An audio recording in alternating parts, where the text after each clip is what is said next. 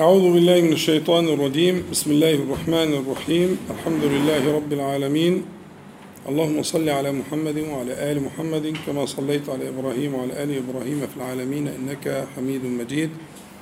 اللهم بارك على محمد وعلى آل محمد كما باركت على إبراهيم وعلى آل إبراهيم في العالمين إنك حميد مجيد. أما بعد فهذا آه، موعدنا المبارك. في لقاء الوصال ونحن لا نزال في تتبع تعوذات خير من تعوذ صلى الله عليه وآله وسلم. وكما اتفقنا التعوذ هو اللجوء والدخول في حصن قد يراك فيه عدوك ولكنه لا يصل إليك. فأنت إذا قلت أعوذ لا يتم التعوذ إلا إلا إذا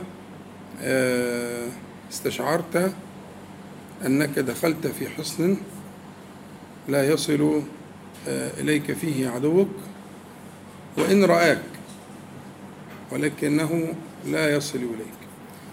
فهذه هذا هو هذه حقيقة التعوذ وشرحناها بالإيه؟ بال بكلام العرب واشتقاقها فارجع إليه. وبدأنا نتتبع تعوذات النبي عليه الصلاة والسلام وذكرنا من ذلك ست تعوذات وشرحناها. أو خمس تعوذات وشرحناها والتعوذ الليلة والتعوذ السادس. التعوذ اللي معانا هو حديث من رواية أبي سعيد الخدري رضي الله عنه في سنن أبي داود وفي غيره. وهو حديث لا يقل عن رتبة الحسن بل قد يزيد كما قال الحافظ المنذري رحمه الله تعالى.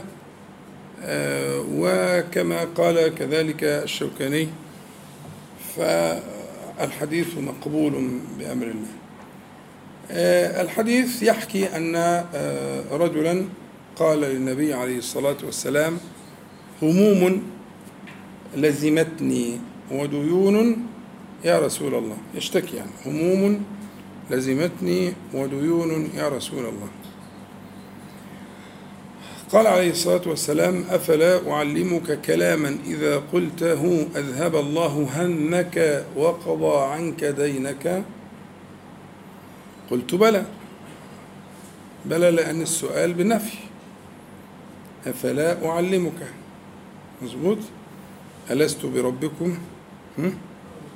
بلى.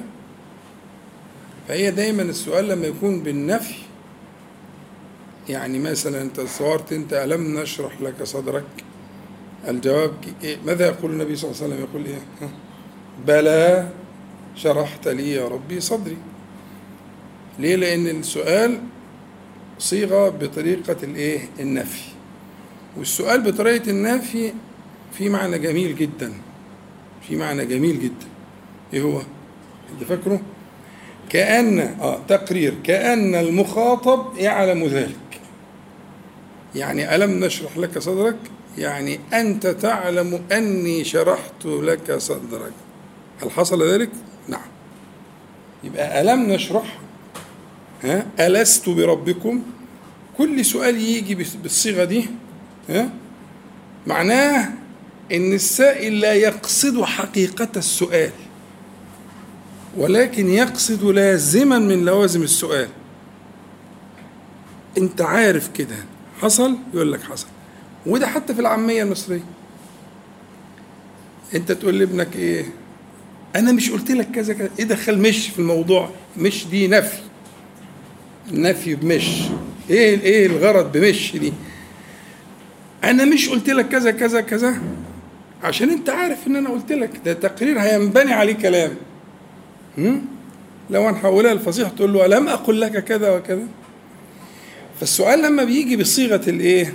بصيغة النفي داخل في أداة نفي في السؤال الغرض منه أن تعلن أن المخاطب يعلم الجواب. طب إذا كان المخاطب يعلم الجواب يبقى الغرض من السؤال يبقى غرض بلاغي. إيه هو؟ ها؟ التقرير. ان ذلك مستقر عندك وعندي وهنبني عليه بعد كده كلام. فأنت لو شفت الصورة ألم نشرح لك صدرك؟ إن بنى على الكلام كلام فإن مع العسر يسرا. ده المترتب عليه. يعني تقرر عندك أيها المخاطب الكريم صلى الله عليه وسلم أني شرحت لك صدرك وأني وضعت عنك وزرك وأني رفعت لك قدرك وينبني على ذلك المتقرر عندك. الذي صيغة بصيغة الإيه؟ ها؟ السؤال إنه إيه؟ فإن مع العسر اللي شرح لك يشرح واللي رفع عنك يرفع. مظبوط؟ اللي وضع عنك يضع. سبحانه وتعالى جل جلاله. فهي طريقة لطيفة. فهو النبي صلى الله عليه وسلم لما قال للصحابي قال له أفلا أعلمك على أساس إن هو شيء مستقر إن أي حاجة تيجي من من حضرة النبي عليه الصلاة والسلام هيكون فيها الشفاء. فبيسكن يسكن السائل يعني كأنه يطمئن اللي جاي ده سيحصل منه مرادك. وده يفهمنا الحالة النفسية اللي فيها الشخص لأنه شخص عنده حاجتين هنشرحهم بالتفصيل إن شاء الله. هموم وديون. هموم وديون. فلما جاوبه عليه الصلاة والسلام قال له أفلا أعلمك كلاما إذا قلته أذهب الله همك وقضى ها؟ آه عينك دينك يبقى حاجتين برضو جاوبوا على الحاجتين مش على حاجة واحدة. فقال له اللي جاي ده للمشكلتين اللي أنت بتشتكي منهم؟ أفلا أدلك أو أعلمك كلاما إذا قلته أذهب الله عنك همك وقضى عنك دينك. قال قلت بلى. بما إحنا بلدي بقى. تمام. قال قل قال صلى الله عليه وسلم يعني قل إذا أصبحت وإذا أمسيت اللهم إني أعوذ بك من الهم والحزن وأعوذ بك من العجز والكسل وأعوذ بك من الجبن والبخل وأعوذ بك من غلبة الدين وقهر الرجال. دول كم كلمة؟ ثمانية مش كده؟ اثنين في أربعة ثمانية قل إذا أصبحت وإذا أمسيت. اللهم إني أعوذ بك من الهم والحزن وأعوذ بك من العجز والكسل وأعوذ بك من الجبن والبخل وأعوذ بك من غلبة الدين وقهر الرجال. قال ففعلت ذلك. ففعلت ذلك. فأذهب الله تعالى همي وغمي وقضى عني ديني. انتهى الحديث. وده من أجمع تعوذات النبي عليه الصلاة والسلام. لأن الثلاث الثمان ألفاظ اللي إحنا هنشرحهم دول بيحيطوا بكل أحوال الإنسان. كل مخاوف الإنسان لا تخرج عن هذه الثمانية. كل مخاوف الإنسان لا تخرج عن هذه الثمانية. بس بشرط إنه يستحضر الكلام يستحضر معناه يكون شاهد اللي بيقوله. لسانه بيتحرك بحاجة يرتسم في ذهنه صورة لها. بس مش عايز أكتر من كده. نعم. إيه هو اللي تاني؟ ما هنقولهم. هم الثمانية دول. الهم والحزن والعجز والكسل والجبن والبخل وغلبة الدين وقهر الرجال دول ثمان كلمات. هذه تحيط إحاطة تامة بكل أحزاني ومخاوفي وهموم الخلق. مش النبي صلى الله عليه وسلم قال أوتيت جوامع الكلم؟ أهو ده يعني إيه جوامع الكلم؟ التي تجمع المعاني الكبار في الألفاظ اليسيرة. هو ده معنى معنى الكلام النبي صلى الله عليه وسلم مش معجز. اللي معجز كلام رب العالمين سبحانه وتعالى. الإعجاز اللي هو لا يمكن أن يؤتى بمثله. ده كلام رب العالمين سبحانه وتعالى. لأنه صفة من صفاته. لكن كلام حضرة النبي محمد صلى الله عليه وسلم هو عبارة عن إيه؟ عبارة عن جوامع الكلم جمع, جمع كل المرادات في ألفاظ يسيرة فيسر الله عز وجل له صلى الله عليه وسلم الإيه؟ المعاني الكبار الكثيرة في ألفاظ محصورة معدودة حتى أن الإمام الشافعي في مقدمة مقدمة الرسالة بيقول جملة في منتهى الخطورة يقول معنى كلامه أن كل ما قاله النبي صلى الله عليه وسلم أو حكم به فهو مما فهمه من القرآن الكريم. فالإمام الشافعي بيقول بيرجع علم النبي صلى الله عليه وسلم إلى القرآن. يعني هو من فهمه صلى الله عليه وسلم ومن ما أفاض الله على قلبه الشريف من فهم القرآن الكريم. نرجع بقى لقضيتنا. هو بدأ الحديث بدأ بكلمة يعني هو الواحد بيقدم الكلمة الإيه اللي وجعاه. فقال له هموم لزمتني وديون يا رسول الله. فهو قبل ما يقول يا رسول الله قدم الإيه؟ والواحد بيقدم الحاجة اللي وجعاه. هموم وإيه؟ وديون. طيب كلمة هموم حد فاكر إحنا كنا شرحناها كتير قبل كده؟ الهم كلمة الهم مادة بتدور على إيه؟ هم الثلج الذوبان الله يفتح عليك. هم الثلج يبقى الهم تسلم إيديك. جت في وقتها. تسلم جزاك الله خير. يبقى الهم لا يكون هما إلا إذا أذاب. واخد بالك؟ يعني اللي بيدوب التلج الحرارة مثلا يبقى ده الهم للثلج. تسلم إيديك حبيبي ربنا. الهم للثلج فالهم مادة الهم كلها مدارها على إن حاجة بتدوب حاجة. فواحد رايح إيه؟ ها؟ دايب. صح كده؟ أهي فكرة الهم دي معناها كده. ولا يكون الهم هما إلا إذا دوب صاحبه أذابه سيحه. خلى أقول لك مخه سايح كله داخل في بعضه. بالهم يبقى أول حاجة اشتكاها دول دول عرب يعني كلامهم فصيح ما دخلتوش أي حاجة. فلما أقول كلمة هموم هو يعني ما أقوله أنا. اللي إحنا بنجيبه من الكتب ده هو كان موجود في ها في عقولهم وفي ألسنتهم وفي قلوبهم. فأقول له هموم لزمتني. واللزوم عدم المفارقة. طب الهم أحيانا يروح ويجي لكن ده أول ما بيشتكي للنبي عليه الصلاة والسلام يقول هموم لزمتني الملازمة. لا تفارقني. أقوم وأنام بها هموم لزمتني. وديون. والدين معروف. الدين معروف. فالنبي عليه الصلاة والسلام بشره يعني قال أفلا أعلمك كلمات إذا قلتهن أو كلاما إذا قلته أذهب الله همك بدأ اللي يهمه وقضى دينك أذهب الله همك بكلام.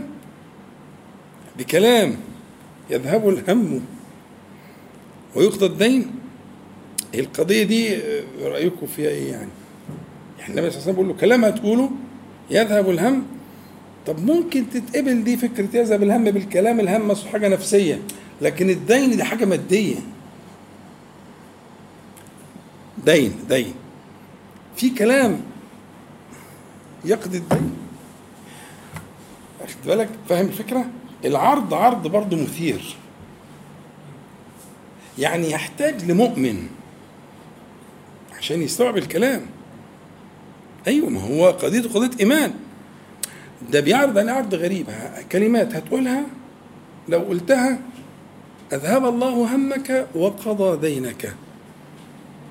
فالكلام يعني إيه لا يكون إلا من مؤمن آه، يصدق هذا الكلام. ينبغي أن يكون مؤمنا ليصدق هذا الكلام. فقال قلت بلى وشرحنا بلى دي عشان السؤال بالإيه بالنفي. فكان بيقول له أنت عارف إن أنا عندي الحل؟ وعشان كده انت جاي تسألني وأنا هديك الحل اللي انت متأكد ان هو عندي. دي كلمة بلى إحنا خدناها من كلمة بلى فهمتوها؟ مهمه قوي يا إخوانا. كتير جدا في القرآن الكريم في السنة. اقف عند كل واحدة فيهم. كل سؤال بنفي ما تستعجلش.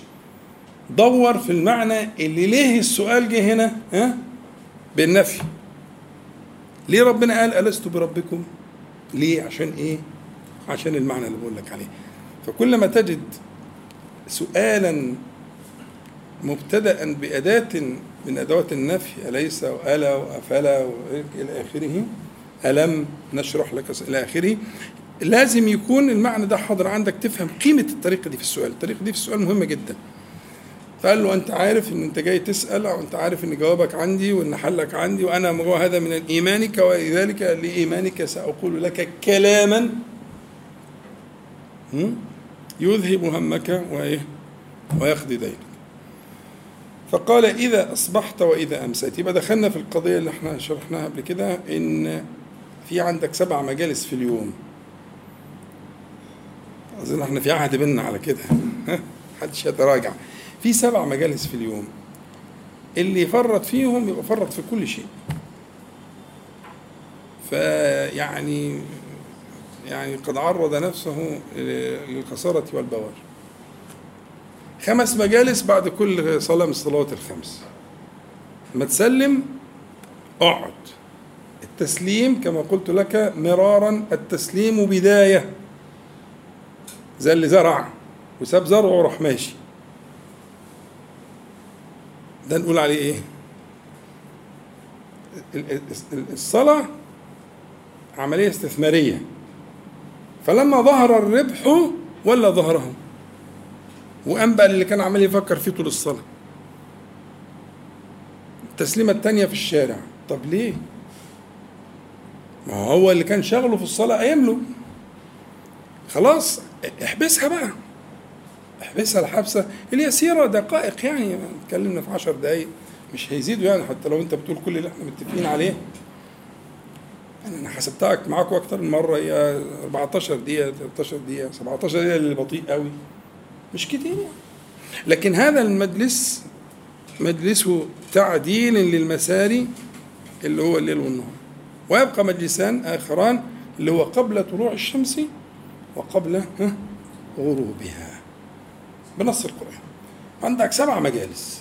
حاسب نفسك عليه تصحح المسار قولا واحدا وتحل العقد كلها. لازم تبقى في عقد. آه طبعا لازم يكون في عقد.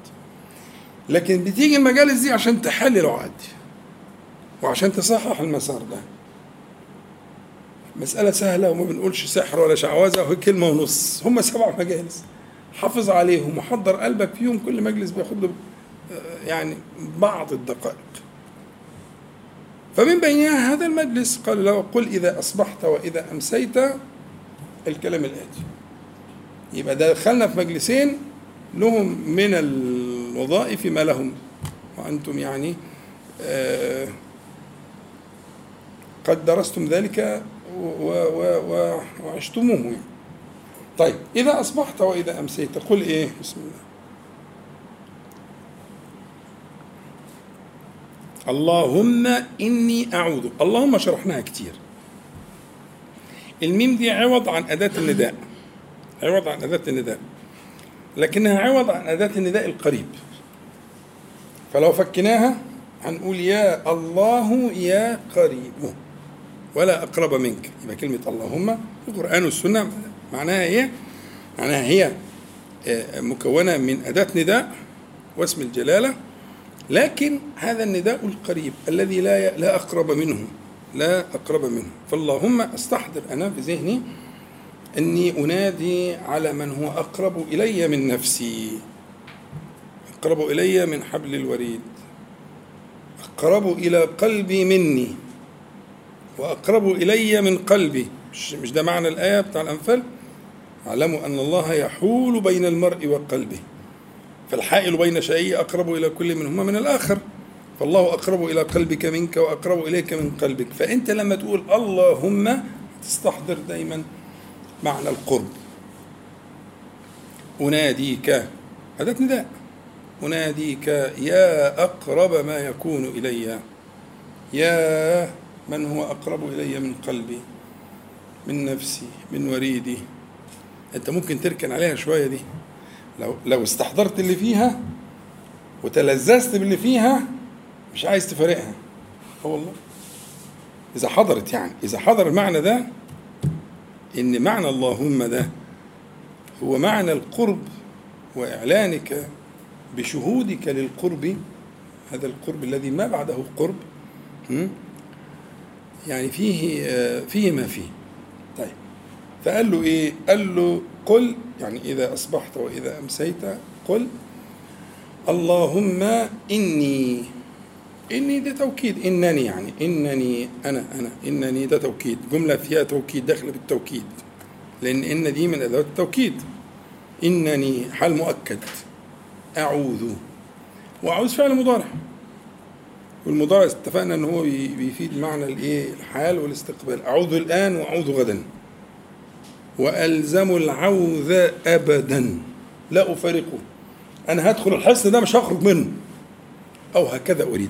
أو أنا قلت لك سر كده من الأسرار الجميلة إن ممكن كتير قوي من معاني آه، آه، الخبر تبقى معاني إنشاء. يعني إيه؟ كأنك بتقول اجعلني كذلك. يعني بدل ما تقول أنت بتقول اللهم إني أعوذ يعني تقول أعذني. هي معناها كده. معناها الصواب الأدق انه طلب وإن كان ليس طلبا. عاوز ده حال. انت بتوصف نفسك انك كده دخلت في في العاوز. لكن اللي اجمل منه اللي اجمل منه توفيق ربنا ليك انك انت تتصور انك بتطلب. انك بتطلب. يبقى الحاجات اللي هي اللي بتيجي على شكل الخبر زي أعوذ دي امم أعوذ دي انت بتوصف. أنا أعوذ بالفعل. أعوذ الآن وأعوذ غدا. ده فعل مضارع. لا هو الحقيقة بتاعته إنه هو طلب. فلما تقول لربنا أعوذ تقول أعزني. كأنك قلت أعزني. قل أعوذ برب الفلق قل أعوذ برب الناس إلى آخره. استحضر معنى الطلب الكامن في هذا الخبر. لأنه هو أصله خبر. طبعا هي مش فارقة معاك خبر طلب ما الدنيا مش لكن لو ابتديت تدرك الفرق ها؟ فأنا أدلك على هذا السر. كل ما يكون من الأخبار في الأدعية والأذكار ضمنه معنى الطلب. وده من البليغ الفصيح. لا تحكي. آه الله يفتح عليك. لا تحكي. أنا شرط الكلام ده كتير جدا بس عشان يعني إيه وذكر فإن الذكرى تنفع ناس طيبين ناس صالحين. صلوا على النبي عليه الصلاة والسلام. آه محمد بيذكرنا بالكلام اللي قلناه في الفاتحة. إياك نعبد وإياك نستعين. هي في حياتها طلب. وأنها كانت صيغة إيه؟ خبر. بتقول ندخل ونخرج ونأكل ونشرب ونلعب. أنت بتخبر. نعبده. لا هي في الحقيقة في الحقيقة حياتها عبارة عن إيه؟ ها؟ طلب. توسل. عبدني لك. إياك نعبد. دي أصلها كده. إذا إذا بلغت معناها الحقيقي هتصل إلى هذا المعنى. اللهم عبدني لك. إياك نعبد. ولا تجعلني أستعين بغيرك. كل ال ال الألفاظ اللي هي آه، آه، فيها حكاية حال من أفعال مضارعة زي المعنى اللي معانا ده الناصح لنفسه اللي يعمل اللي بقول لك عليه ده. دايما يضمنها معنى الطلب. لا تجردها عن معنى الطلب لأنها يعني تصح بس الأرقى أن تحولها إلى طلب. قل أعوذ برب الفلق. أعوذ دي حكاية أنا بعوذ فعلا برب الفلق لكن إيه أعذني من شر ما خلق. أعزني أعزني. حولها لمعنى الطلب يبقى بقى معنى تاني خالص. مع البلاغة الجميلة اللي شرحتها بالتفصيل قبل كده في إن آه، آه، يبقى ال ال ال حكاية الحال أو اللي بيسموه يعني الخبر يبقى بمعنى الإنشاء اللي هو الطلب. ده معنى جميل بس مش وقت نشرحه. فقال له إيه؟ قل إذا أصبحت وإذا أمسيت اللهم إني أعوذ بك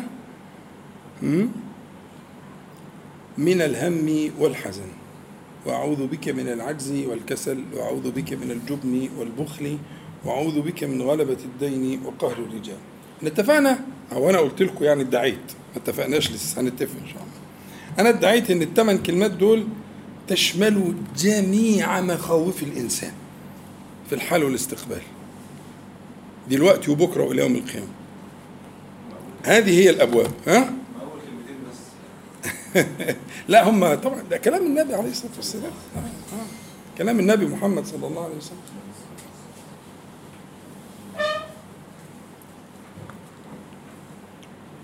اللهم إني أعوذ بك من الهم والحزن وأعوذ بك من العجز والكسل وأعوذ بك من الجبن والبخل وأعوذ بك من غلبة الدين وقهر الرجال. بعد هذا الاتفاق ولو نظريا وإن شاء الله هنثبته دلوقتي هنجد إن كل اتنين كل لفظين بينهما تلازم. أول حاجة هتفتح معايا إن ليه النبي عليه الصلاة والسلام جمع الايه ال ال هذه الثمانية زوجين زوجين زوجين زوجين. لأن فيه تلازم بين كل زوجين من الايه من الازواج دول. يبقى اول حاجة هتبين لي ال ال ال الغاية من اصلاح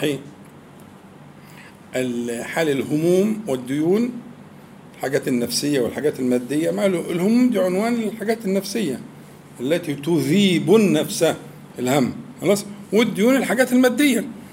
فهو عنده قضيتان ألجأتاه إلى إلى هذا الحال؟ فالنبي عليه الصلاة والسلام الهم والحزن شرحناهم 100 مرة قبل كده حد يساعدني وله الأجر والصواب؟ لما ناخد رشفة.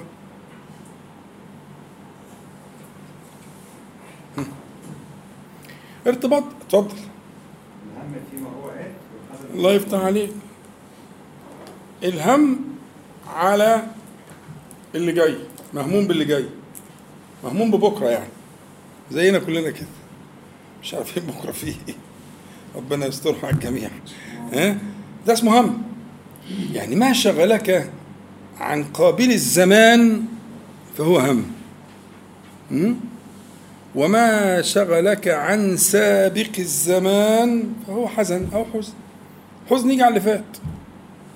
والهم يجي على إيه؟ على اللي جاي. صح كده؟ تمام.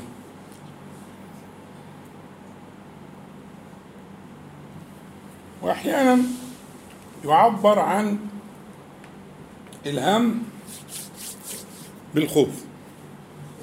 الخوف من اللي جاي والحزن على اللي فات صح؟ خوف من اللي من أنا هسمعك إن شاء الله بس اسمعي الآخر ممكن إيه؟ تجد إجابتك في الليل. لكن هسمعك. والمجلس مجلس آه، مش درس خالص ده مجلس تربوي آه، تواصلي وهو أصلا اسمه الوصال. فمبنى الفكر الفكرة مبنيه على إن أنا اسمعكم وتسمعوني وأستفيد منكم وتستفيدوا مني فركز عشان اللي هتقول أنا حريص عليه إن شاء الله. أحيانا يتعبر عن الهم بالحزن فيبقى إيه الحزن جاي ها و إيه، إيه، إيه، الخوف من المستقبل. يبقى المستقبل خوف واللي فات حزن. وزي ما قلنا إنه ربنا نفع عن أهل الجنة الخوف والحزن. فلا خوف ولا حزن يبقى دي الجنة. وعشان كده مش هنوصل للنهاية القصوى لذلك في الدنيا. ما ينفعش. ده المرجو في الآخرة مرجو في, في جنة الله تعالى. ألا خوف وألا حزن. لا خوف من اللي جاي ولا حزن عن اللي فات. لكن إحنا ممكن نجاهد في حياتنا الدنيا أن نقلل من ذلك أو أن نحمل ذلك على الإيه؟ لكن اللي يحصل يحصل شيئا من ذلك فقد حصل شيئا من معجل نعيم الآخرة. يعني من رزقه الله سبحانه وتعالى شيئا من ذلك فأذهب كما قال عليه الصلاة والسلام همه وحزنه ها؟ فقد حصل شيئا من معجل نعيم الآخرة. هي الآخرة عبارة عن لا خوف ولا حزن. هو كده لا هم ولا حزن. لا حامل هم بكرة ولا حزين على اللي فات. فكل ما يكون من ذلك في هذه الحياة الدنيا إنما يكون تعجيلا. يعني من من من جنسه تذوق شيئا من جنس نعيم الإيه؟ من جنس نعيم آه، آه، الآخرة. ومن أعظم جنس نعيم الآخرة القرآن الكريم. الحقيقة الوحيدة في الكون لأنها صفة الله. كل الكون ده كله هيتبدل ويتغير وتبدل الأرض غير الأرض والسماوات. كل شيء ما لن يكون على ما ترى وما تسمع وما تتخيل وما تتصور. ولا يبقى مما تدرك بأدوات الإدراك إلا القرآن الكريم. الذي لا يتبدل ولا يتغير ويبقى أبد الآبدين. لأنه كلام الله على الحقيقة. فاللي هيتعامل مع كلام ربنا بالشكل ده هينتفع به أقول الكلام ده تاني ولا كفاية؟ ركزوا معايا. كل ما تدركه بأدوات إدراكك سيزول. شكلك هيئتك لونك أبوك أمك أكلة شأن الجبال السماوات الأراضين كل ده سيزول. حتى أنت شخصيا. أنت مش هتعرف نفسك. إنا أنشأناهن إنشاء.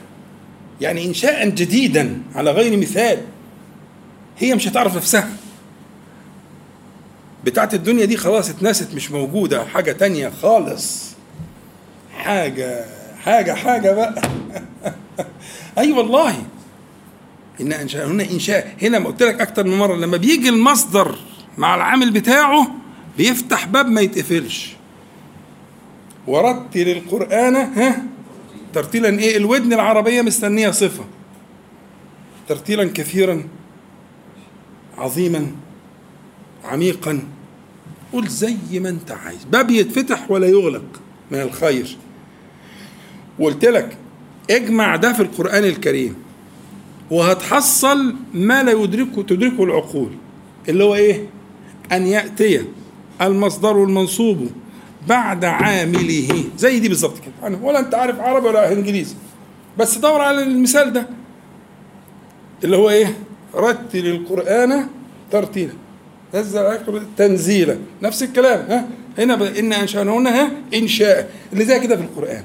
وستجد الغرض في ذلك أن يفتح الباب للصفات التي لا حد لها. فإنشاء يعني إنشاء عجيبا لا تدركه العقول?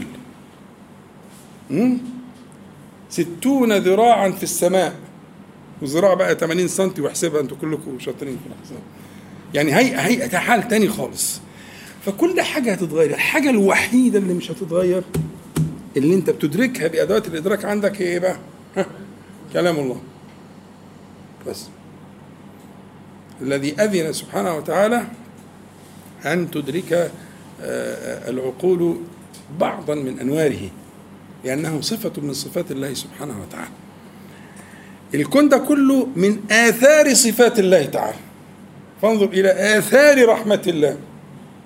لكن مش صفة الرحمة. الكون ده كله ها من آثار صفات الله تعالى. لكن لا تدركه الصفة. الصفة الوحيدة التي أذن بها هي الإيه؟ القرآن. عظم القرآن عشان تنتفع به عظم القرآن عشان تنتفع به انت داخل على القرآن استعد. طهر باطن وظاهر يا بني آدم. وعظم المجلس ده وحضر قلبك. ليس له نظير في الكون مما يدرك. فكل ما تراه وما تسمعه وما يحكى لك والى اخره والملائكة والجن كل كل كل كل ده كله من آثار صفات الله تعالى. واسمائه لكن القرآن صفته تكلم به على الحقيقة سبحانه وتعالى. واخد بالك؟ فمعاملتك للقرآن ينبغي أن تختلف عن معاملتك لكل ما تدركه بأدوات إدراك سمع وبصر عقل كل كل كل ادوات الادراك كل كل. طيب يبقى الهم والحزن جمعهم النبي عليه الصلاة والسلام فيما يذيب المرأة عن قابل الزمان مستقبل أو ما يذيبه عما كان. كان الحزن هيكون الهم. فأعوذ بك من شيء يذيبني اللي هو المكروه الوارد على القلب إما أن يكون متعلقا بمستقبل الزمان أو أن يكون متعلقا بماضي الزمان وهذا هو الهم والحزن. فإذا دخلت في العوذ أعوذ بك واستحضرت المعنى ده فيعيذك حتما. وقال ربكم ادعوني أستجب لكم بلا فصل. تفضل.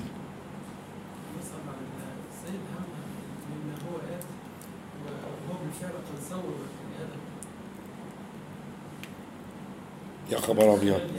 يعني انت لو رجعت حياتك هتلاقيها كلها كده أحيانا الهموم بتبقى يعني الواحد بتبقى مشكله موجوده ما إحنا قسمناها بالت... حمل الهم يعني ده حزن على اللي فات الجزء اللي فات منها ده اسمه حزن لكن انت حمل هم عيالك مثلا هيعملوا يعملوا إيه وبكرة إيه والظروف إيه والبنت إيه وهنجوز إيه وجهاز إيه وهنعمل إيه دي كلها هموم لما قال له هموم لزمتني يعني متعلقة بإيه؟ ها؟ بقابل الزمان. هذا هو الهم. الهم ما يتعلق بقابل الزمان. اصطلاح للتقريب يعني، تمام؟ صلوا على النبي عليه الصلاة والسلام. يبقى أول حاجة قدم النبي صلى الله عليه وسلم هذا التلازم بين ما آه، آه، يرد على القلب من المكروه متعلقا بقابل الزمان أو ما يرد على القلب من المكروه متعلقا بسابق الزمان عليه الصلاة والسلام اللهم إني أعوذ بك من الهم والحزن وأعوذ بك من العجز والكسل. إن كان آه، تخلف المرء عن الخير لعدم القدرة فهو العجز. وإن كان تخلف المرء عن الخير لعدم الإرادة فهو الكسل. وده بيجمع ده كلام النبي عليه الصلاة والسلام. ده بيجمع بين تخلف صور التخلف جامع لكل صور التخلف عن الخير. إما أن يكون تخلفا لعدم القدرة فهو عجز ولا تأتي القدرة إلا من القادر سبحانه وتعالى القدير فهو الذي يعطيني القدرة. يبقى أعطني القدرة ليذهب نصف ذلك. العجز. فأنا عاجز لا لا أو قادر بس ممتنع للإرادة. فقد للإرادة. هو يقدر يعمل بس الإرادة مش موجودة. فيكسل عما ينفعه? واحد بقول له صدق إنك أنت آه، يعني بركة إنك أنت تتوضأ قبل ما تنام. مش هتبقى محصورة في الفضائل اللي إحنا شرحناها بالتفصيل. ارجعوا لها بقى؟ فضائل إنك أنت تتوضأ وتخش السرير متوضي وتقول أذكار. أنت ممكن تقول طب يا أخي طب اتوضيت ما ركعتين خفيفتين كده. وأنت قاعد على الكرسي. هتقعد وتروح ربنا يكرمك بايه تبتدي ركعتين. وبعدين وأنت بتقرأ ربنا يفتح عليك تقوم تقول إيه؟ طب ما ها ما تكمل. طب ما تخش مش عارف إيه. ومن قام بمئة آية ومن قام بكذا وتلاقي نفسك وتلاقي نفسك المسألة بدأت بداية سهلة ويسيرة. كأنك تسوس هذه النفس. وشوقي بيقول والنفس كالطفل إن تهمله شب على حب الرضاع وإن تفطمه ينفطم من أجمل ما كتب شوقي. لأنها فعلا تحليل للنفس البشرية سهل جدا. النفس عايزة السياسة زي العيل اللي مغلبك. ابنك يا ابني أنا ورايا شغل. يا ابني عايز أنام. يهديك ربنا. هي هو ده. والنفس كالطفل إن تهمله شب على حب الرضاع. وإن تفطمه ينفطم فأنت إيه؟ سايسه قول لها طب خلاص ما هي هنتوضى اعمل طب هم ركعتين وأنا قاعد على الكرسي. طب هقرب قل والله احد بتعدل ثلث القرآن. أقرأ ثلاث مرات. كأني أخذت ثواب القرآن. سيسهل. وإذا فعلت ذلك فتحت لك أبواب من الخير لا يدركها العقل. بفضل الله سبحانه وتعالى. إذا ففكرة الجمع يبقى الجمع الأول هم والحسن فهمناه. الجمع الثاني العجز والكسل وبرضه ده متعلق بتحصيل الخير إما أن يكون لعدم القدرة أو عدم الإرادة. تمام؟ يبقى آه اللهم إني أعوذ بك من الهم والحزن وأعوذ بك من العجز والكسل وأعوذ بك من الجبن والبخل. الجبن والبخل هو آه آه أن يظن المرء بالنفع لغيره. فإن كان بماله فهو البخل وإن كان ببدنه فهو الإيه؟ الجبن. يبقى الجامع للاثنين دول اللي هو النفع المتعدي. يبقى هنا بدأ النبي عليه الصلاة والسلام الحاجتين الأولانيين خاصين بيك أنت شخصيا. والثانيه فيها تدرج. اللي هي العجز والكسل ربما يفيد الغايه لكن هو في النهاية برضه يعني ده انتقلنا في في في الجملة الثالثة إلى النفع المتعدي. الجبن والبخل. إن كان آه، آه، في مال فهو البخل وإن كان في آه، بدن فهو الجبن. يبقى عدم النفع يستعيذ من أن يكون امرأ غير نافع. أن يكون امرأ غير نافع. والذي يحجز المرء عن النفع آه، جهتان. اللي هم قالهم النبي عليه الصلاة والسلام. جهة الجبن أن ينفع ببدنه. البدن عموما يعني رأيه بلسانه يعني البدن كله مش البدن يعني معناه العضلات يعني كل البدن. أن ينفع ببدنه فالمانع حينئذ يكون الجبن. أن ينفع بماله فالمانع حينئذ يكون البخل. بقيت كلمة واحدة اللي هي وأعوذ بك من غلبة الدين وقهر الرجال. آه برضو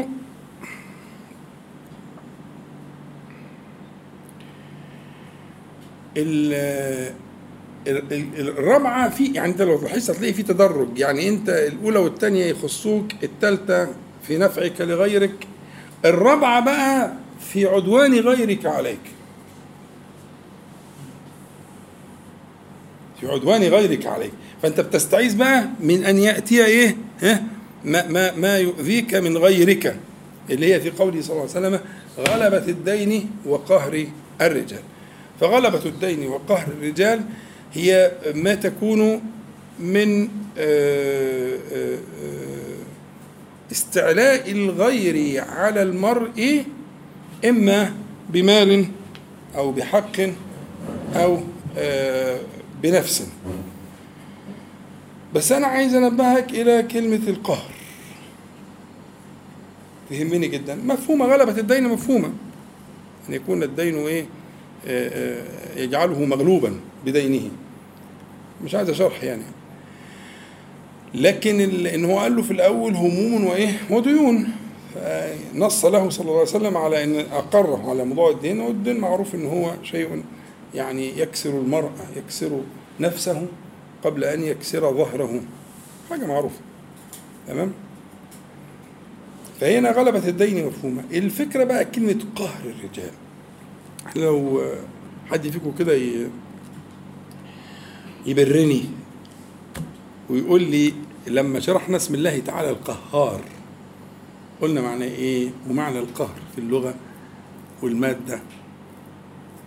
أنا والله ما بعمل امتحان ولا حاجة بس أنا يعني عايز بر. أنا طلبت أنا أطلبه برا ولا شيء فوق البر مش عايز أكتر من كده يعني. يعني ما لا امتحان ولا أنتم بتدرسوا ولا في ولا في حاجة خالص. بس يعني بر يعني. البر شيء هين؟ وجه طليق وكلام لين. يعني أنا بر. بس الإحسان البر. ما فيش هقول بقول 100 مرة كمان إن شاء الله. لكن أصل أنا فكر اللي مشكلة اسم الله القهار فيها فهم خطأ. دايما بيفهم القاهر والقهار م- م- باسم الله تعالى موجود في القرآن الكريم. يعني نبهت إلى ذلك غير مرة لشيوع الخطأ في الفهم اسم الله تعالى. شيوع الخطأ. فالقهر في صفة الله تعالى هو غير الانتقام مثلا وغير البطش. مختلف. ولما ذهبنا للاشتقاق اللغوي استفدنا جدا وحلت لنا الإشكال. حلت لنا الاشكال الدكتور محمد؟ قول يا عم الله يهديك أي بر أنا موافق. قول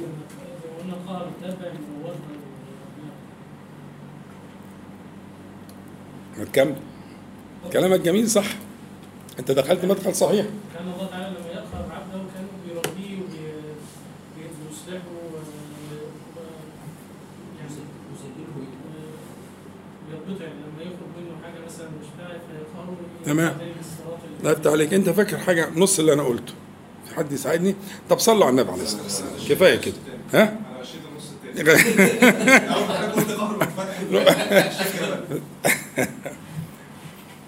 النص اللي قاله دكتور محمد بتشوفوا أنتوا كلكم شفتوا الفيديوهات بتاعت لما بيجيبوا حصان وبري وعايزين يركبوه وبيقعدوا مش عارف يحطوا اللجام كده يسايسوا عليه وبعدين يبقى يقعد يتنطط كده وبتاع. المهم إيه؟ يقعد يسايسوا يسايسوا لغاية لما إيه ها؟ يروضه. وبعد كده يقوم بالوظيفة المطلوبة منه? هذه يسميها العربي قهر. قهره. لغاية لما بقى صالح للوظيفة التي خلق من أجلها. والخيل والبغال والحميرة؟ مش ربنا خلقه كده؟ فهل اللي بيحصل إيه؟ المروض ده يقهره شيئا فشيئا حتى يضعه في الوظيفة التي خلق من أجلها صح؟ طيب. يقول لك قهر اللحم اللحمة لو اتحطت في نار شديدة ومش عارف إيه هتتحرق.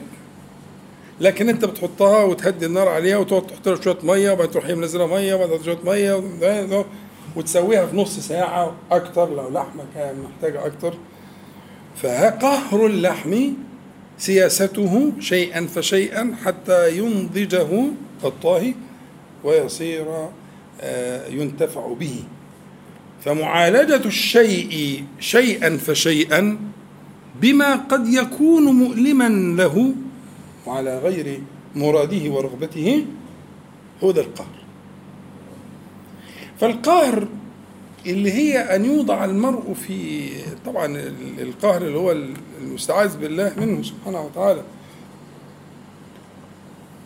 اللي هو أن يستعلي الغير عليه? شيء في شيء يعني إيه؟ ضغوط مستمرة اقتصادية نفسية مش عارف إيه إيه؟ تمارس عليه الضغوط المستمرة المستمرة لغاية لما يستوي. مين اللي قال يستوي؟ حضرتك. صح كده. يعني انت عندك خلفية. هي كده. يعني ده بيتسوى. المقهور من الرجال ده زي حتة اللحمة اللي بتتسوى. ما علاش النار عليها. لا ده هو قاعد يسيسها كده ونار هادية لغاية لما بقت يعني زي محمد بيقول كده استوت. فهذا هو القهر. إن واحد يبقى يعاني من الضغوط و- و- و- واستعلاء الغير عليه بطرق مختلفة حتى يقهره. ده من ربنا سبحانه وتعالى من صفاته وهو محبوب إلى قلوبنا. أن نقهر لله عز وجل? أن نعبد لله تعالى. لكنه آه، ذل ومهانه لغير الله تعالى. فالقهر لله محبوب لأنه يكون لصالحك. ها؟ فالله يقهر العبد شيئا فشيئا فشيئا حتى يوصله إذا هو كان له نصيب يعني. إلى المراد. يبقى ال- ال- ال- ال- الجملة الرابعة كانت جملة عدوان الغير أو استعلاء الغير. يبقى أربع جمل آه، علمها النبي صلى الله عليه وسلم للأمة جميعا آه، تزيل الهم وتقضي الدين. فكان الصحابي آه، قال ففعلت ذلك. يعني كان كل صباح وكل مساء يقول آه، هذا الدعاء. يقول فأذهب الله تعالى همي وغمي وقضى عني ديني. هذه من الآيات الدالة على صدق النبي عليه الصلاة والسلام وأنه ما ينطق عن الهوى صلى الله عليه وسلم.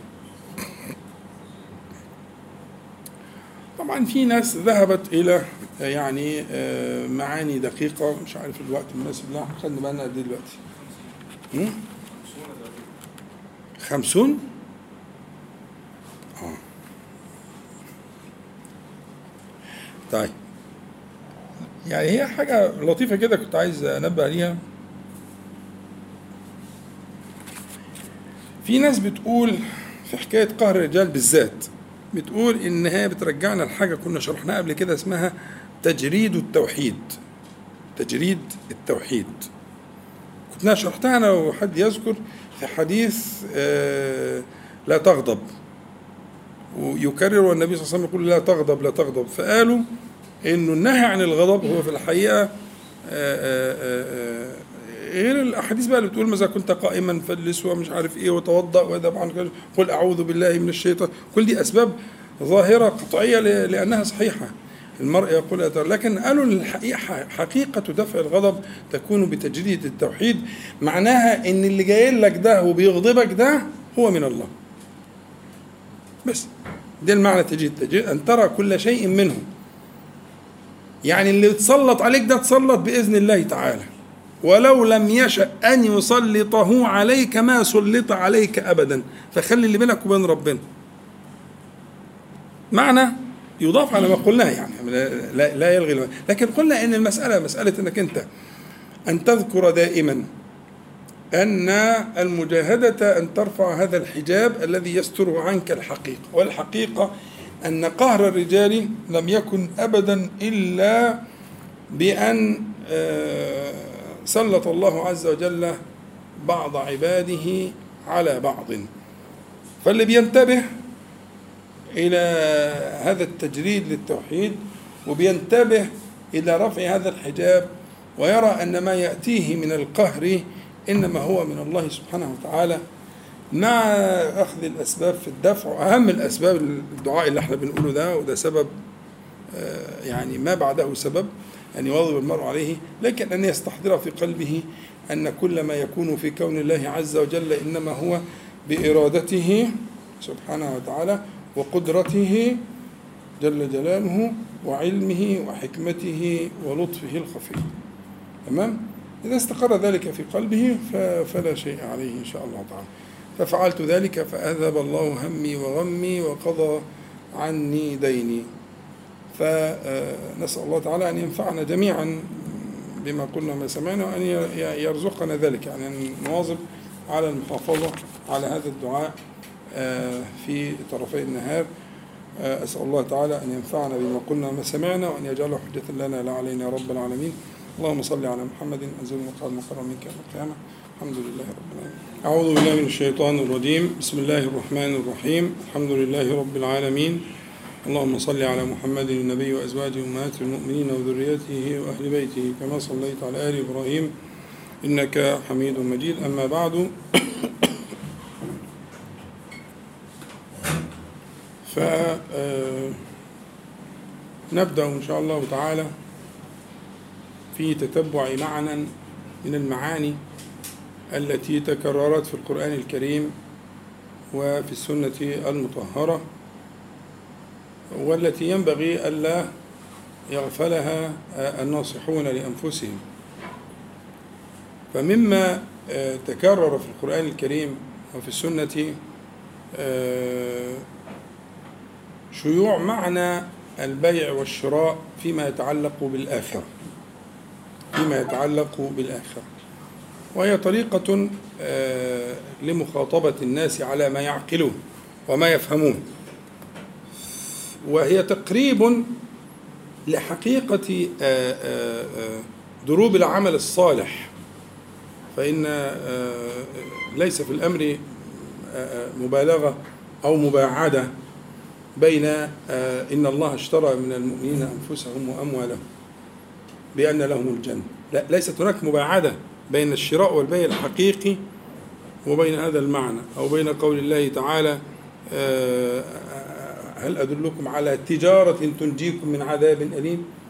ثم تأتي بنود التجارة أو إلى آخره. آه، ربحت تجارتهم آه، ذلك يوم التغابن والغبن لا يكون أصله يكون في البيع والشراء. الغبن أن يبيع المرء نفيسا بخسيس. أو يشتري خسيسا بنفيس. ده معنى الغبن. ويوم التغابن يوم يظهر هذا الغبن. يظهر أن آه، ثم آه، خلق باعوا أنفس شيء وهم ما أعطاهم الله سبحانه وتعالى من ال- من ال- الفهم والعقل ومن الوحي والإيمان. آه، باعوه بمتاع من متاع الدنيا. وهو كل متاع الدنيا قليل. فالتغابن يظهر في ذلك. يعني ذلك يوم التغابن الذي يظهر فيه الغبن في البيع والشراء. وموجود في المصطلح موجود في الفقه وموجود في البيوع وكده والى آخره. النبي صلى الله عليه وسلم مما يريد, يريد أن ينبه ويقول أتدرون من المفلس؟ قالوا المفلس فينا من لا درهم له ولا دينار. لا المفلس من امتي من يأتي يوم القيامة إلى آخره. فاستخدام الألفاظ اللي هي متعلقة والمصطلحات المتعلقة بالبيع والشراء والتجارة والربح والخسارة فيما يتعلق بالآخرة كثير جدا في القرآن والسنة. وذلك يحملك على آه، معنى آه، يجب أن تنتبه إليه آه، أنك يمكن أن تتصور أن ما بينك وبين الله تعالى وأن سعيك للآخرة هو يمكن أن يصاغ في في صيغة التجارة. التجارة برأس مال أعطاك الله عز وجل ويختلف آه، هذا الرأس للمال من شخص لآخر. وأنا أدعي إن مفيش اتنين خلقهم ربنا راس مالهم واحد. أنا أدعي ذلك. وعندي أدلة بالنسبة لي أنا قطعية يعني. علمية وطبية ونفسية وكل حاجة. مفيش اتنين ربنا خلقهم راس مالهم واحد. من الصحة والعلم والفقه وسعة الصدر وال والقرابة والصحبة والمال وإلى آخره. مفيش اتنين زي بعض.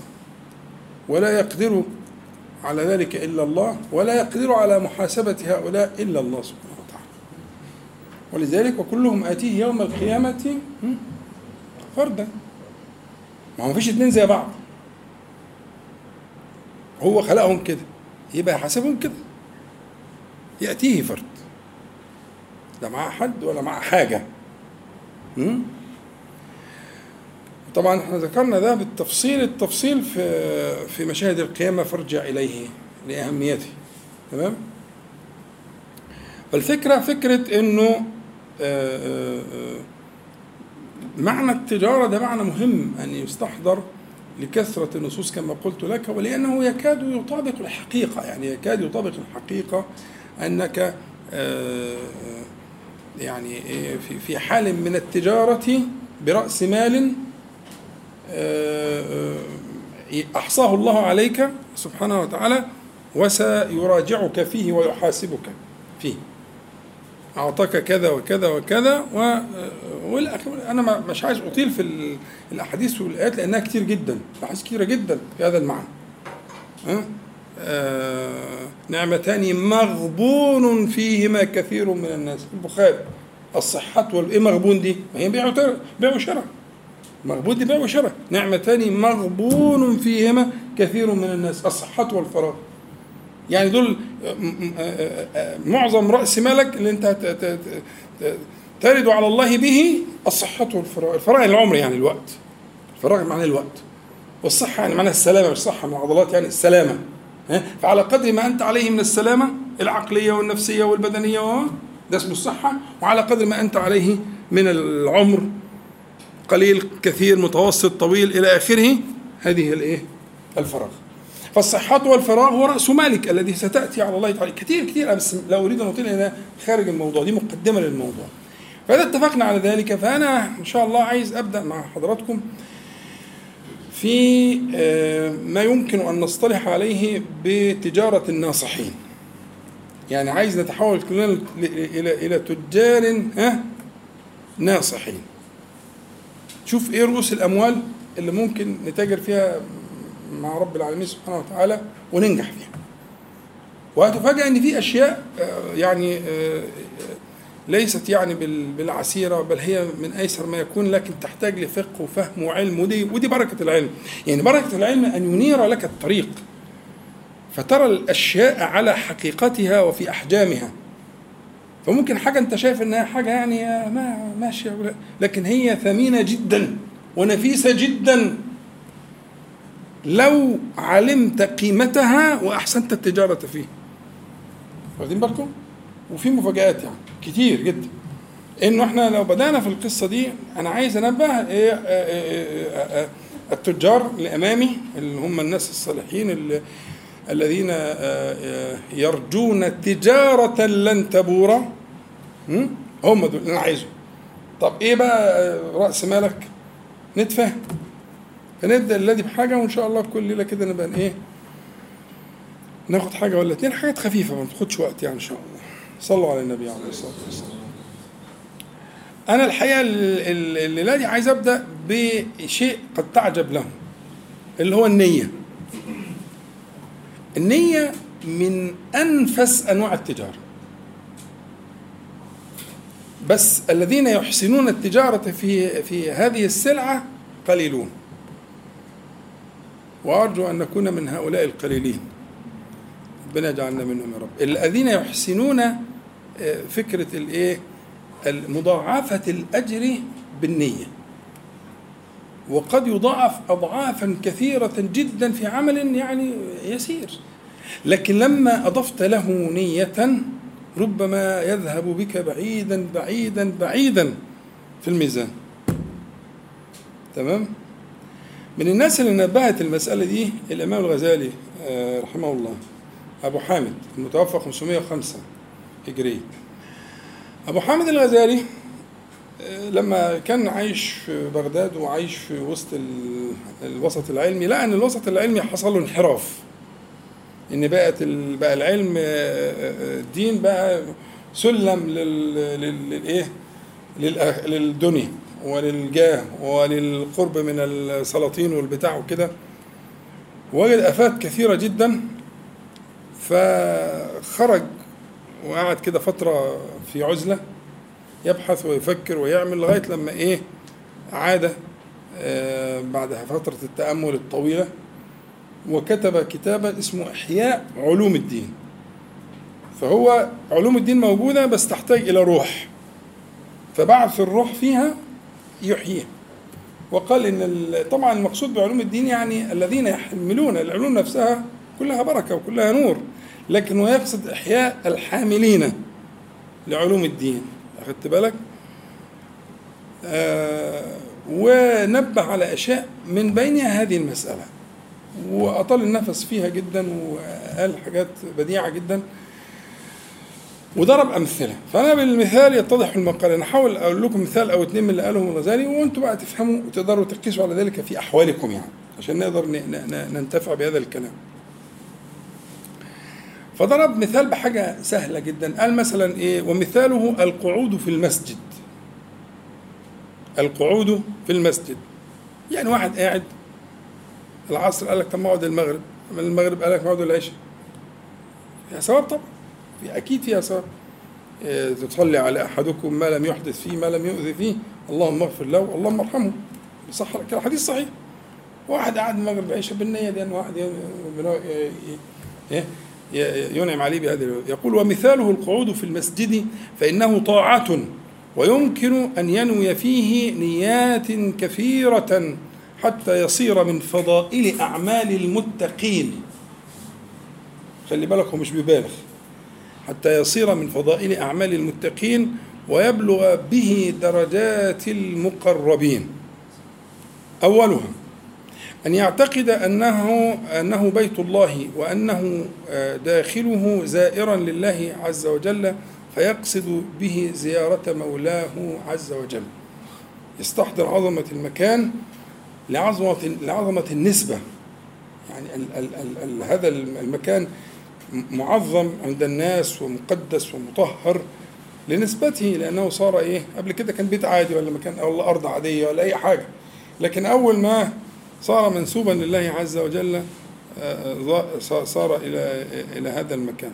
ثانيها أن ينتظر الصلاة بعد الصلاة فيكون في جملة انتظاره آه، في الصلاة وهو معنى قوله تعالى آه، رابط. لأن آخر في آخر آل عمران اصبروا وصابروا ورابطوا واتقوا الله لعلكم تفلحون. فهي آه، آه، آه، في في التفسير سيدنا ابو هريره بيقول ولم يكن ثم رباط يومئذ. يعني لما نزلت الآية دي ما كانش في رباط الرباط اللي هو على حدود لأن ما كانش في حدود أصلا. الحدود دي جت في عهد عمر بن الخطاب يعني في أيام النبي عليه الصلاة والسلام. وأيام أبو بكر ما كانش فيه رباط وما كانش فيه حدود وما كانش فيه ثغور كان من ده أصلا.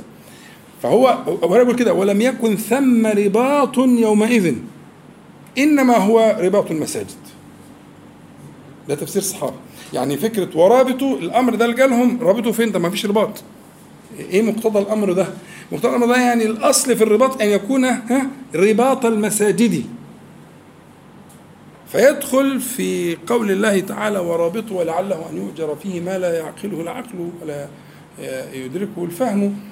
أن أن يبلغ المرء أن يبلغ الله عز وجل المرأة هذه الرتبة بأن يدخل آه، في قوله تعالى ورابطوا وأن يبلغ الفلاح الموعود به في الآية. ثالثها الاعتكاف. وده على مذهب الشافعية الشافعية في في مذهبهم أنه يجوز الاعتكاف الساعة. جائز. الاعتكاف في بعض المذاهب له شروط لكن هنا الشافعية يجوز أنك أنت إذا دخلت المسجد أن تنوي اعتكاف ساعة. تمام؟ صلوا على النبي عليه الصلاة والسلام. رابعها عكوف الهم على الله عز وجل ولزوم السر للفكر في الآخرة ودفع الشواغل الصارفة عنه بالاعتزال في المسجد. خامسها التجرد لذكر الله أو لاستماع ذكر الله وللتذكر به. ففي الحديث آه، آه، آه، ال- قال العراقي فيه في لأن العراقي مخرج أحاديث الأحياء. قال إسناده جيد جيد يعني حسن. آه، أن النبي صلى الله عليه وسلم قال من غدا إلى المسجد لا يريد إلا أن يتعلم خيرا أو يعلمه كان له كأجر حاج تاما حجه. الأجر إيه؟ بس خلي بالك أنا السر قلت لك قبل كده عشان الأحاديث دي ما تصدمكش. السر هنا في إيه؟ ها؟ في الكاف. السر في الكاف. فين الكاف دي؟ ها؟ كاف. تشبيه. والتشبيه لا يعني المطابقة وإلا يبقى ملوش معنى. ال- ال- العلاقة بين المشبه والمشبه به هي في وجه الشبه. ولكن لا تكون كالمطابقة صح؟ حمزة أسد الله وأسد رسوله. هي طبعا هذا اسمه تشبيه بليغ حذف أداة التشبيه. يعني كأسد كأسد. وهو قطعا لا يراد به الحيوان ولكن يراد به وجه الشبه. وجه الشبه هنا هو الإيه؟ الشجاعة. ها؟ كمثل الحمار يحمل أسفارا مش القصد منها إن اليهود حمير. لا غلط. خطأ. لا يليق بالقرآن الكريم. إنما مقصود بها أن اليهود يشتركون مع الحمير في صفة. في في الحمير في السورة دي الحمير تحمل أسفارا فوق ظهورها فهم يحملون التوراة وهكذا؟ فدايما التنبيه على المسألة دي مهمة جدا. إنه آه، آه، التشبيه مداره على وجه الشبه. مداره فدور على وجه الشبه تفهم مش ده يعني يقول لك أنا حجيت الحمد لله وخلاص بقى كده. لا. لا. ده تشبيه إن أعظم الأجور عند الناس هي أجر الحج. فكذلك يكون الح- الحديث كده يبقى قريب يعني واخد بالك؟ وفي الصحيحين من حديث أبي هريرة رضي الله عنه قال قال رسول الله صلى الله عليه وسلم من غدا إلى المسجد أو راح أعد الله له في الجنة نزلا كلما غدا أو راح. في في في هذه النيات. وسادسها أن يقصد إفادة العلم بأمر بمعروف ونهي عن منكر إذ المسجد لا يخلو عمن يسيء في صلاته أو يتعاطى ما لا يحل له فيأمره بالمعروف ويرشده إلى الدين فيكون شريكا معه في خيره الذي آه، يعلم منه آه، أو يتعلم منه فتتضاعف إيه خيراته. وسابعها أن يستفيد أخا في الله فإن ذلك غنيمة وذخيرة للدار الآخرة والمسجد معشش معشش أهل الدين المحبين لله وفي الله. دي لوحدها كفاية بصراحة. أو يعني دي نية لوحدها. يعني هو راح يصطاد يصطاد واحد من أهل الله. مفيش أجمل من كده. شوف شوف دماغ الغزالي. إحنا بنتكلم على إنك أنت تقعد في المسجد ساعة. النية الأولانية كفاية بس هو دلوقتي عمال يفرع ها، ويوسع حتى تصل إلى سابعها. يقول أن يستفيد أخا في الله فإن ذلك غنيمة وذخيرة للدار الآخرة لأخوة في الله. ذخيرة عارفين الذخيرة؟ اللي هي المدخر يعني الشيء المدخر اللي هو ينفع في ساعة الشدة. والمسجد معشش أهل الدين المحبين لله وفي الله. ثامنها أن يترك الذنوب حياء من الله تعالى وحياء من أن يتعاطى في بيت الله من يقتضي هتك الحرمة أنا كان في ناس شباب زمان آه، ما كنا بن ولا زال يعني الحمد لله بن بنساعد في مسألة التربية وكده. آه، آه، تقول له مشكلتك هتتحل لو سمعت كلامي وتروح تبات في المسجد. مدة شهر كده ولا حاجة. لسه بقى في- أول شباب وكده وبتحصل حاجات ملخبطة ومش عارف إيه وبتاع. خلص كل حاجتك قوم بواجباتك كلها وتعالى عندي في المسجد ونام. وكان هي دي كلمة السر. لأنه في المسجد بيستحي من الله سبحانه وتعالى. في المسجد يستحي من الله. ثم سيما لو كان المسجد فيه يعني صحبة خير. يعني في ناس من أهل الدين يساعدوك على خدت بالك. أن يترك الذنوب حياء من الله تعالى وحياء من أن يتعاطى في بيت الله ما يقتضي هتك الحرمة. وقد قال الحسن بن علي رضي الله عنهما من أدمن الاختلاف إلى المسجد رزقه الله إحدى سبع خصال أخا مستفادا في الله أو رحمة مستنزلة أو علما مستظرفا جديدا أو كلمة تدل على هدى أو تصرفه عن ردي أو يترك الذنوب خشية أو حياء. وكأنه هو خد الفكرة من كلام آه، الحسن بن علي رضي الله عنه. فشوف قد إيه العمل أتقنت فكرة ال- ال- دايما التفكير في النيات و- والتجارة مع الله سبحانه وتعالى بهذه النيات وأن تستحضرها ولا بأس يعني أنا دي من عندي أنا ان, أن تكتبها. يعني كنت تساعد نفسك باعتبار إن إحنا مش يعني لسنا من أهل الحفظ قوي. فلا بأس أن يكون عندك مذكرة أو ما تكتبه فيه وتدون فيه. أنا هعمل كذا عشان واحد اتنين. كل ما تجي آه طب ممكن كذا. فهم كانوا في الأول بدت نيه ولا اتنين. دلوقتي بقوا خمسة ستة. عمال تضيف ربنا يوسع عليك بحيث انك لما جيت تعمل هذه الأعمال. تكون مستحضرا لتلك النيات. آه مثال آخر يقول استعمال الطيب مباح. مفهوم طبعا. الطيب. استعمال الطيب مباح. ويمكن جمع النيات الحسنة فيه مثل أن ينوي به اتباع سنة رسول الله صلى الله عليه وسلم. وكان معلوم أن النبي صلى الله عليه وسلم يحب الطيب. بدينية مخت... يعني هي أعلى. وينوي بذلك أيضا تعظيم المسجد واحترام بيت الله فلا يرى أن يدخلها يدخله زائرا لله إلا طيب الرائحة. وأن يقصد به تعظيم وتوقير الملائكة فإن الملائكة لتتأذى مما يتأذى منه ابن آدم. وأنا قلت لك قبل كده الطيب والبتاع ده ال- السواك والسواك ده مش معناها عود الأراك بس. ده مفهوم خطأ. ينبغي التنبيه إليه في تصحيح المفاهيم. السواك هو كل ما يستاك به. يعني الفرشة بتاعت الأسنان المعاصرة دي سواك. كل ما يستاك به كل ما يزال به الأذى من الفم فهو سواك. خدت بالك؟ فإذا أضاف عليه حاجة زي المعجون ريحتها حلوة وجميلة ومعرفش إيه الكلام ده؟ المثل قرنفل واحد معتاد يحط قرنفل ها؟ دايما في جيبه قرنفل زي حالتي كده على طول قرنفل في جيبه. آه، يحطه يدي طيب ريحة تذكر ربنا تبقى ريحة. يعني آه، وكتر في يبقى ده من المعنى المقصود به هنا. والملائكة دائما معنا.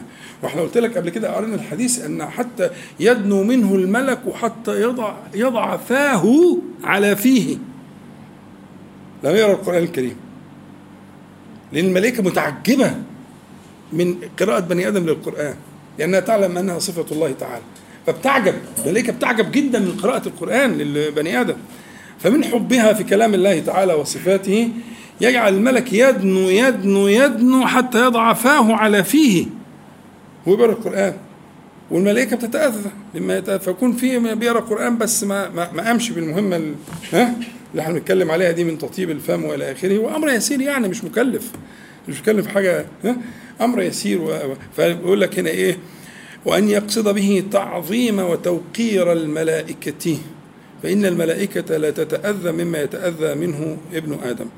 وأن يقصد به ترويح جيرانه ليستريحوا في المسجد عند مجاورته برائحته. أكيد طبعا ده معروف إن ما دام يكون ريحته جميلة بيبقى والعكس طبعا معروف. العكس معروف فعلا. بالذات اللي بيبقى مش واخد باله أو كده ومش عارف لابس الكوتشي طول النهار وبعدين قلع والشراب ودخل صلى ويعني وقلب الدنيا كلها ف يعني والضد يظهر حسنه ضده يعني. الصورة الثانية دي تبين لك قد إيه قيمة الشخص اللي بيحضر إن هو آه، ألا يؤذي آه، مخالطيه. وأن يقصد به دفع الروائح الكريهة عن نفسه التي تؤدي إلى إيذاء مخالطيه. وأن يقصد حسم باب الغيبة عن المغتابين إذا اغتابوه بالروائح الكريهة فيعصون الله. فيعصون الله بسببه. هيعقدنا يعني حاجة عجيبة شخصية شخصية غريبة جدا الإمام زي ده. يعني ممكن من النيات آه والله ممكن. إيه المانع؟ ما أنت عارف إن اللي هيعمل كده الناس ممكن تتكلم في حقه هو البني آدم ما بياخدش مشمش ما بيحسش عارف إيه اللي ده هدومه وريحته وشرابه وعامل ومسوي حاجة زي كده. فيقول لك إيه؟ وأن يقصد حسم حسم حسم. أن يقصد حسم باب الغيبة عن المغتابين إذا اغتابوه بالروائح الكريهة فيعصون الله بسببه. فمن تعرض للغيبة وهو قادر على الاحتراز منها فهو شريك في تلك المعصية. كلام الإمام. وهو قادر على الاحتراز منها فهو شريك في تلك المعصية. وأن يقصد به معالجة دماغه لتزيد به فطنته وذكاؤه ويسهل عليه درك مهمات دينه بالفكر. قال الإمام الشافعي من طاب ريحه زاد عقله. الشافعي ده له حاجات برضه. هو الإمام يعني. يقول لك من النيات كده إن هو الدماغ تروق كده الواحد لما يشم مثلا يعمل طيب أو بخور في القعدة وقاعد بيقرأ قرآن ولا بيذاكر ولا حاجة الجو بيختلف. أنا بتكلم عن تجربتي الشخصية الجو بيختلف فعلا. لما تجهز القعدة وتخلي الجو فيه طيب جميل وكده وأنت بت- بتتلو بقى من كلام الله أو بتقرأ من العلم فهنا إيه أن يقصد به معالجة دماغه. لتزيد به فطنته وذكاؤه ويسهل عليه درك مهمات دينه. بالفكر فقد قال الشافعي رحمه الله ورضي عنه من طاب ريحه زاد عقله فهذه آه، طريق تكثير النيات. وقس به سائر الطاعات والمباحات إذ ما من طاعة إلا وتحتمل نيات كثيرة. وإنما تحضر في قلب العبد المؤمن بقدر جده في طلب الخير وتشمره له وتفكره فيه فبهذا تزكو الأعمال وتكثر الحسنات. فأنا آه، أدعو نفسي وحضراتكم اللي نبدأ يعني آه، خلي شوف أنت بتكتب في ورق بتكتب على الهاتف بتاعك زي ما بتكتب. ابدأ بالتفكر في هذه الأعمال اليسيرة من جنس المباحات وجنس آه، برضو القربات والمستحبات وكده وأن تكثر فيها النيات وتصور يعني خد كلام الإمام الكلام ده موجود في الأحياء سهل توصل له. آه، إنك أنت تقيس على ذلك وتصنع لنفسك آه، آه، آه، يعني أعمالا تتاجر فيها مع الله سبحانه وتعالى بتكثير النيات. وممكن تكون أعمال أصلها واجب. ممكن. زي بر الوالدين والحاجات زي كده. ممكن يكون أصلها واجب لكن أنت تضيف عليها ها، من النيات ما يزيد الجمال جمالا وما يزيد الرزق رزقا. ها؟ فعايزين ناخد يعني عهد نتفق دلوقتي إن تفعلوا ذلك يعني. ونتواصل يعني اللي عنده ممكن الحصة الجاية إن شاء الله حد يقوم إيه آم، يعني قايل لنا حاجة نفتح الموضوع تاني كده. وأنا إن شاء الله هجيب لكم حاجات برضو من الحاجات اللي إيه يعني آم، آه، في كتاب للغماري إن شاء الله هجيب لكم آه، اسمه أربعون خصلة آه، دون منيحة العنز. منيحة العنز يعني إيه؟ واحد يسلف معزته الواحد يستفيد بلبنها ويروح مرجعها له دي دي موجوده في الحديث الصحيح يعني منيحة العنز. اللي هو الواحد مش هيديها له خالص هي تبات عنده كام ليلة كده يستفيد بلبنها ويروح مرجعها له. خلاص؟ فهو آه، ال- الراجل جمع أربعين خصلة موعود بها الجنة دون منيحة العنز أقل من كده. وأحاديث صحيحة. جميل جدا. رغم إن أنا الغمانه بتحافظ عليه. لكن كتاب بديع. بسبب الاطلاع الواسع على السنة والإحاطة بالأسانيد والرجال. فإن شاء الله هنبقى ناخد منه حاجات تناسبنا بإذن الله. حاجات اللي هي اليسيرة جدا اللي ممكن أنت بإضافة النيات عليها والمقاصد الحسنة إن شاء الله نبقى يعني نحقق, فيها المراد بإذن الله. فأنا منتظر من حضراتكم آه إن كل واحد يجتهد مع نفسه ويفيد إخوانه يعني. زي ما الإمام الغزالي عمل كده وقال لنا دلنا على أعمال يسيرة جدا يعني الطيب ولا السواك ولا البتاع وممكن تقصد بيه كل النيات دي. فالموضوع كبير قوي يعني. أو تقعد لك ساعة في المسجد وقال ثمان نيات وأنت ممكن تفكر تخليهم بقى عشرة. وانت حاططهم في جيبك وتروح مطلعهم كده بسم الله الرحمن الرحيم. يعني الله أكبر. تخش على المسجد وتبدا ده موضوع تاني خالص يعني. هتعيش في عالم تاني يعني. عالم ال- الناصحين. عالم تجارة الناصحين. تمام. خلاص كده إحنا خلصنا بس أنا في كان في فكرة إنه حصل إن بعض الأفاضل طلب مني نراجع حاجة من الحاجات القديمة. أنا كنت فسرت فيها تفصيل شبه ممل يعني مش ممل بس شبه ممل اللي هو إيه فكرة تعدد الزوجات والحاجات دي والحاجات الشائعه والكلام ده. واتكلمنا في تصحيح المفاهيم على حاجات تانية كتير اتكلمنا على القوامة ومعناها الشرعي والمفهوم الخطأ اللي فيها وإلى آخره. فين؟ اتفق مع كده اتفق مع كده إن في بعض الناس طلبوا مني حكاية مراجعة مرة كل مرة نراجع حاجة من الأشياء المتقدمة. وذكر لي أشياء كتير يعني في أشياء فعلا أنا شايف إنها كانت جميلة جدا جدا زي فقه الصلاة على النبي عليه الصلاة والسلام. من أبدع وأجمل ما قيل في هذا اللقاء. مش من بقى شيل من. صحيح شيل من. هو أبدع وأجمل ما قيل في هذا اللقاء. وربنا وفقنا فيه توفيق كبير جدا. إيه المعاني التي ترد على قلبك في الصلاة عليه الصلاة والسلام؟ فقال لي كده وقال لي برضو من الحاجات المهمة آه، مسألة إغماض عين القلب. قال كان موضوع مهم جدا لا تمدن عينيك. قال فكرة آه، أركان عقد التوكل. عقد التوكل أنا كنت وصفت التوكل بأنه عقد له أركانه من العاقدان ومعقود عليه وصيغة. العاقدان اثنين والمعقود عليه اثنين والصيغة واحد يبقوا خمسة تمام؟ فبرضو الكلام ده كان فيه توفيق. آه، قصة تصحيح المفاهيم اتقالت. الحديث بتاع سراق النعم في الحديث من بتاع من بدا جفا ومن آه، اتبع الصيد غفل ومن أتى أبواب السلطان افتتن? برضو آه، قال لي كمان الآية بتاعت المائدة لنبلونكم بشيء من الصيد. كان فيها توفيق وكانت بديعة جدا. وألح عليا بصراحة الشخص ده متسلط عليا. قال إيه اللي يحصل لما الحاجات اللي هي كان فيها كده إحنا الناس بتنسى وإحنا بننسى؟ وحتى التكرار أصل من أصول التعليم وحاجات زي كده. أنا لا أزال أفكر في المسألة إن إحنا مع كل مرة نجيب حاجة من القديمة بس تكون مختصرة ولها وقت محدد. ونقولها بحيث انها يكون فيها وذكر فإن الذكر تنفع المؤمنين وإن تكون فيها تركيز على معنى آه، نستخلص آه، نستخلصه من من نستخلصه من هذا الكلام فرأي حضراتكم إيه؟ متفقين؟ نسيبها الحصة الجاية إن شاء الله وكرامه بقى سيدنا الشيخ حمدي هنقدم طلب الشيخ حمدي إن شاء الله نتكلم على تصحيح المفاهيم ونتكلم على موضوع الطلاق بتاع التعدد وما يتعلق به لأنه آه، أنا رأيي الشخصي بإجمال كده بعنوان إن التعدد من عبقريات الشريعة الإسلامية من عبقريات الشريعة الإسلامية وإن الطلاق من عبقريات الشريعة الإسلامية وإن الإيلاء من عبقريات الشريعة الإسلامية ولا يقدر على تشريع ذلك إلا الله. مش عايز الكلام.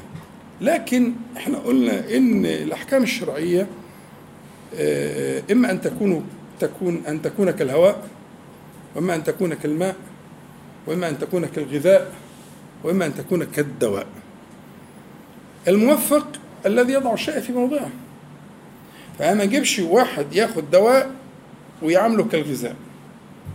يبقى أخطأ. تمام؟ هو الشرع جعله ها؟ دواء. يعالج. يعالج مشكلة. في الطلاق ده دواء. دواء.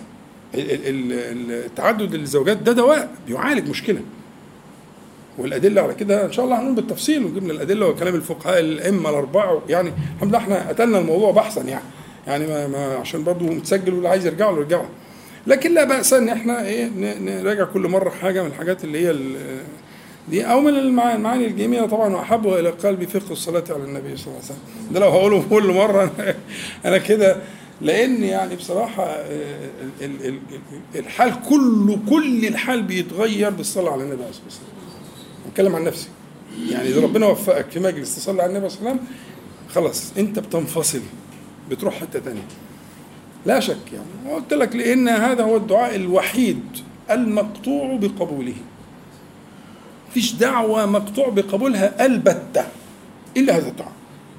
الدعوة الوحيدة اللي اللي تحلف طلاق ثلاثة إنها مقبولة ها هي هي الصلاة على النبي عليه الصلاة والسلام لأن الله سبحانه وتعالى قبلها قبل أن تفعلها. ها؟ إن الله وملائكته يصلون. يا أيها الذين آمنوا صلوا عليه وسلموا تسليما خلاص أنت مستجيب لامر الله تعالى. والله قد صلى بالفعل. أمال أنت كلامك ده اللي هنشرحه بقى؟ أو شرحناه. طب إذا كان هو صلى يبقى ما قيمة أن تقول اللهم صلي هو صلى. إن الله يصلون يصلون. حاضر ومستقبل تمام؟ شرحنا الكلام ده ونشرحه تاني. فلذلك هو يعني هو مستراح القلب والله. وأنا قلت لك مجلس الصلاة على النبي عليه الصلاة والسلام اليومي إياك أن تفرط فيه. ولو كان يسيرا بس تعظمه. عظمه. اقعد كده مربع على سريرك حتى؟ وصلي على النبي صلى الله عليه وسلم عشر مرات بس يا عم مش أكتر من كده. عشرة بس. بصيغة من الصيغ الصحيحة. مش تطول الصيغه الإبراهيمية خد صيغة تانية صحيحة. بس صلي عشر مرات كل ليلة كده وانت قاعد فيهم. بس عظم المجلس عظمه. وإن كان هياخد دقايق ياخد أربع خمس دقايق عشر دقايق بس عظم المجلس ده. خليه مجلس معظم مبارك. شأن تاني بقى خالص تاني خالص إن شاء الله. فإن شاء الله يعني ننوع ونبقى ناخد آرائكم وآراء إخواننا إخواننا في الإيه؟ في المختار. وكل مرة بس هنبدأ عشان خاطر سيدنا الشيخ إن شاء الله نبدأ المرة الجاية بالإيه؟ بالمسألة التعدد دي. نسأل الله العلي القدير أن ينفعنا جميعا بما قلنا وما سمعنا ويجعله حجة لنا لا علينا يا رب العالمين أن يعيذنا وإياكم وسائر إخواننا من المسلمين والمسلم والمسلمات من شرور أنفسنا ومن سيئات أعمالنا ومن فتنة القول والعمل. اللهم صل على محمد النبي وأزواجه أمهات المؤمنين وذريته وأهل بيته. كما صليت على آل إبراهيم إنك حميد مجيد. اللهم اقسم لنا من خشيتك ما تحول به بيننا وبين معاصيك ومن طاعتك ما تبلغنا به جنتك ومن اليقين ما تهون به علينا مصائب الدنيا. اللهم متعنا بأسماعنا أبصارنا وقوتنا ما أحييتنا. واجعله الوارث منا واجعل ثأرنا على من ظلمنا. وانصرنا على من عادانا. ولا تجعل مصيبتنا في ديننا. لا تجعل الدنيا أكبر همنا ولا مبلغ علمنا. ولا تسلط علينا من لا يرحمنا. اللهم ربنا آتنا في الدنيا حسنة وفي الآخرة حسنة وقنا عذاب النار. اللهم صل على محمد النبي وأزواجه أمهات المؤمنين وذريته وأهل بيته كما صليت على آل إبراهيم إنك حميد مجيد. والحمد لله رب العالمين. نقول جميعا سبحانك اللهم ربنا وبحمدك. أشهد أن لا إله إلا أنت. أستغفرك وأتوب إليك. السلام عليكم ورحمة الله.